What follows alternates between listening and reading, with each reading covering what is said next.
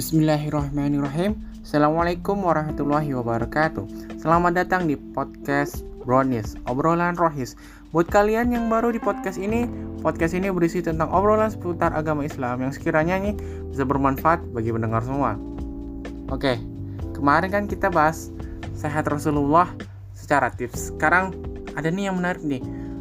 Sehat ala Rasulullah dalam bentuk pengobatan. Widih, keren banget nih aku bagi jadi banyak ya nih ya. A. Teori warna dan bentuk dalam pengobatan tradisional.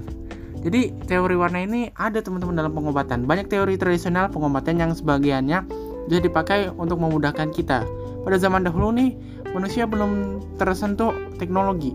Itu sebabnya Allah Subhanahu wa taala memberi ilham kepada mereka untuk mengobati manusia dengan tanda-tanda yang diberikan Allah. Contohnya nih, penyakit kuning atau liver ditandai dengan kuningnya mata atau badan. Obatnya juga tumbuhan yang berwarna kuning nih teman-teman ternyata seperti temulawak, kunyit, mangga, dan wortel. Ternyata ilmu pengetahuan modern baru membuktikan hal itu teman-teman. Wah, masya Allah ya. Nah, jika ada yang sakit tulang, obatilah dengan tulang nih teman-teman. Rebus tulang hewan untuk mengobati penyakit tulang. Ilmu pengetahuan modern akhirnya menemukan fakta bahwa tulang merupakan merupakan sumber kalori kolagen yang sangat penting bagi manusia sehingga dibuatlah produk kolagen yang berasal dari tulang. Nah, ada lagi nih, gangguan darah diobati dengan tumbuhan yang berwarna merah. Muncullah secang, buah merah, dan produk-produk merah lainnya. Begitulah Allah Subhanahu wa taala menunjukkan tanda-tanda kekuasaannya di segenap penjuru langit dan pada diri kita sendiri. Oke, itu A. Nah, yang B, rukiah. Al-Quran merupakan syifa atau penyembuh Itulah yang disampaikan oleh Allah Subhanahu wa taala dalam Al-Qur'an. Maka dari itu, kita harus menjadikan Al-Qur'an sebagai obat terbaik bagi seorang muslim nih, teman-teman. Rukyah sebagai sistem pengobatan dalam Islam seharusnya bukan dijadikan sebagai pengobatan alternatif nih teman-teman, melainkan dijadikan sebagai pengobatan utama karena obat terbaik orang beriman adalah Al-Qur'an.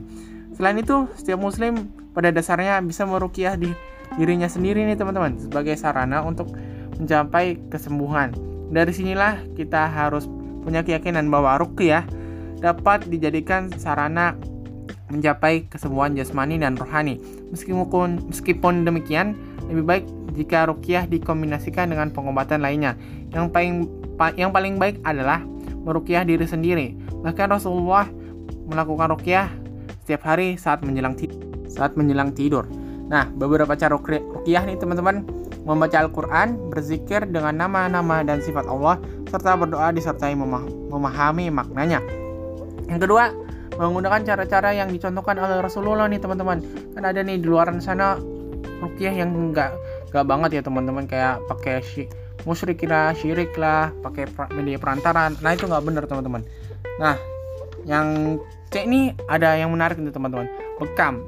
Sakit berbekam lah karena bekam adalah pengobatan langit yang dianjurkan oleh malaikat Allah Subhanahu wa taala. Salah satu bentuk pengobatan yang diajarkan oleh Rasulullah adalah hijamah atau bekam. Banyak yang tidak tahu bahwa ternyata ketika Isra Mi'raj Rasulullah Rasulullah Shallallahu alaihi wasallam bukan hanya mendapatkan perintah sholat, melainkan juga mendapat pesan dari Allah melalui malaikatnya agar kita semua berbekam. Nah, teman-teman nih ada ketentuan dalam terapi bekam nih teman-teman, nggak asal begitu aja berbekam itu ibadah. Nah, habis itu berbekamlah pada waktu tertentu nih teman-teman. Penyebutan pada tanggal 17, 19, atau 21 ini ternyata memiliki makna tersendiri. Pasalnya kita diperintahkan oleh Rasulullah untuk melaksanakan puasa sunnah ayamul bid nih teman-teman. Pada hari ke-13, 14, dan 15 setiap bulan hijriah, bulan hijriah ya teman-teman. Artinya berbekam pada saat salah satu tanggal tersebut merupakan sebuah rangkaian pengobatan bulanan yang paling sempurna nih teman-teman. Nah, selanjutnya nih teman-teman, mandilah setelah berbekam. Mandi setelah berbekam hukumnya sunnah.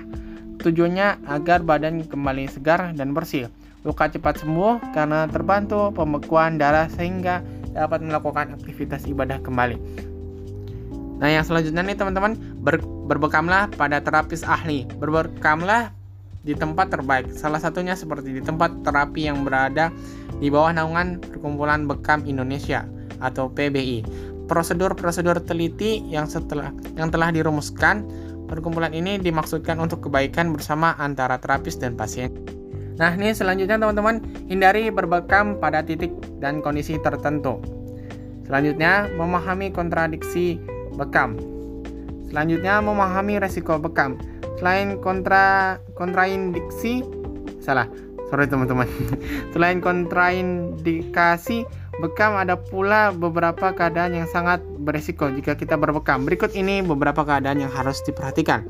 Penyakit infeksius infek sorry ya teman-teman bukan ahli medis soalnya penyakit infeksius menular seperti HIV dan hepatitis yang kedua menstruasi dan nifas pada kondisi ini hindari berbekam karena dikhawatirkan terjadi anemia selanjutnya penderita penyakit kulit merata hampir di seluruh tubuh yang selanjutnya kanker dan tumor karena banyak pembuluh perifer yang mengakibatkan derasnya keluar darah saat terluka Selanjutnya, bekam dan penyakit.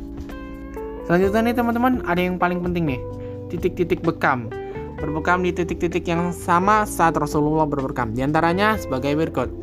Omo mughits atau puncak kepala, akhda'ain, urat leher kiri dan kanan dan al-ka'hayl. Al-ka'ahil. Susah ya teman-teman. Punuk sendi tulang belakang yang menyambung ke leher. Terus ada Katifine dua bahu kiri dan kanan. Terus ada selanjutnya warik atau panggul. Terus selanjutnya zahril kodami pang punggung kaki. Punggung kaki teman-teman. sorry sorry. Terus selanjutnya ada roksun seluruh kepala tidak spesifik. Nah itu pelajaran SD itu teman roksun. Terus selanjutnya adalah al-qamah du'ah belakang kepala Selanjutnya adalah ha'amah, bagian kepala paling depan di atas dahi. Nah, itu dia nih teman-teman. Eh, sorry, ada ketinggalan. Alia alia fuk antara ha'amah dan umu mughis. Nah, itu dia nih teman-teman. Pengobatan ala Rasulullah. Oke. Terima kasih yang sudah mendengarkan mendengarkan. Demikian yang dapat Ane sampaikan pada episode ini. Semoga dapat bermanfaat bagi kita semua dan dapat diaplikasikan dalam kehidupan sehari-hari teman-teman. Kurang lebihnya mohon maaf. Yang benar datangnya dari Allah Subhanahu wa taala yang dan yang salah datangnya dari saya pribadi. Wabillahi taufik walhidayah. Wassalamualaikum warahmatullahi wabarakatuh.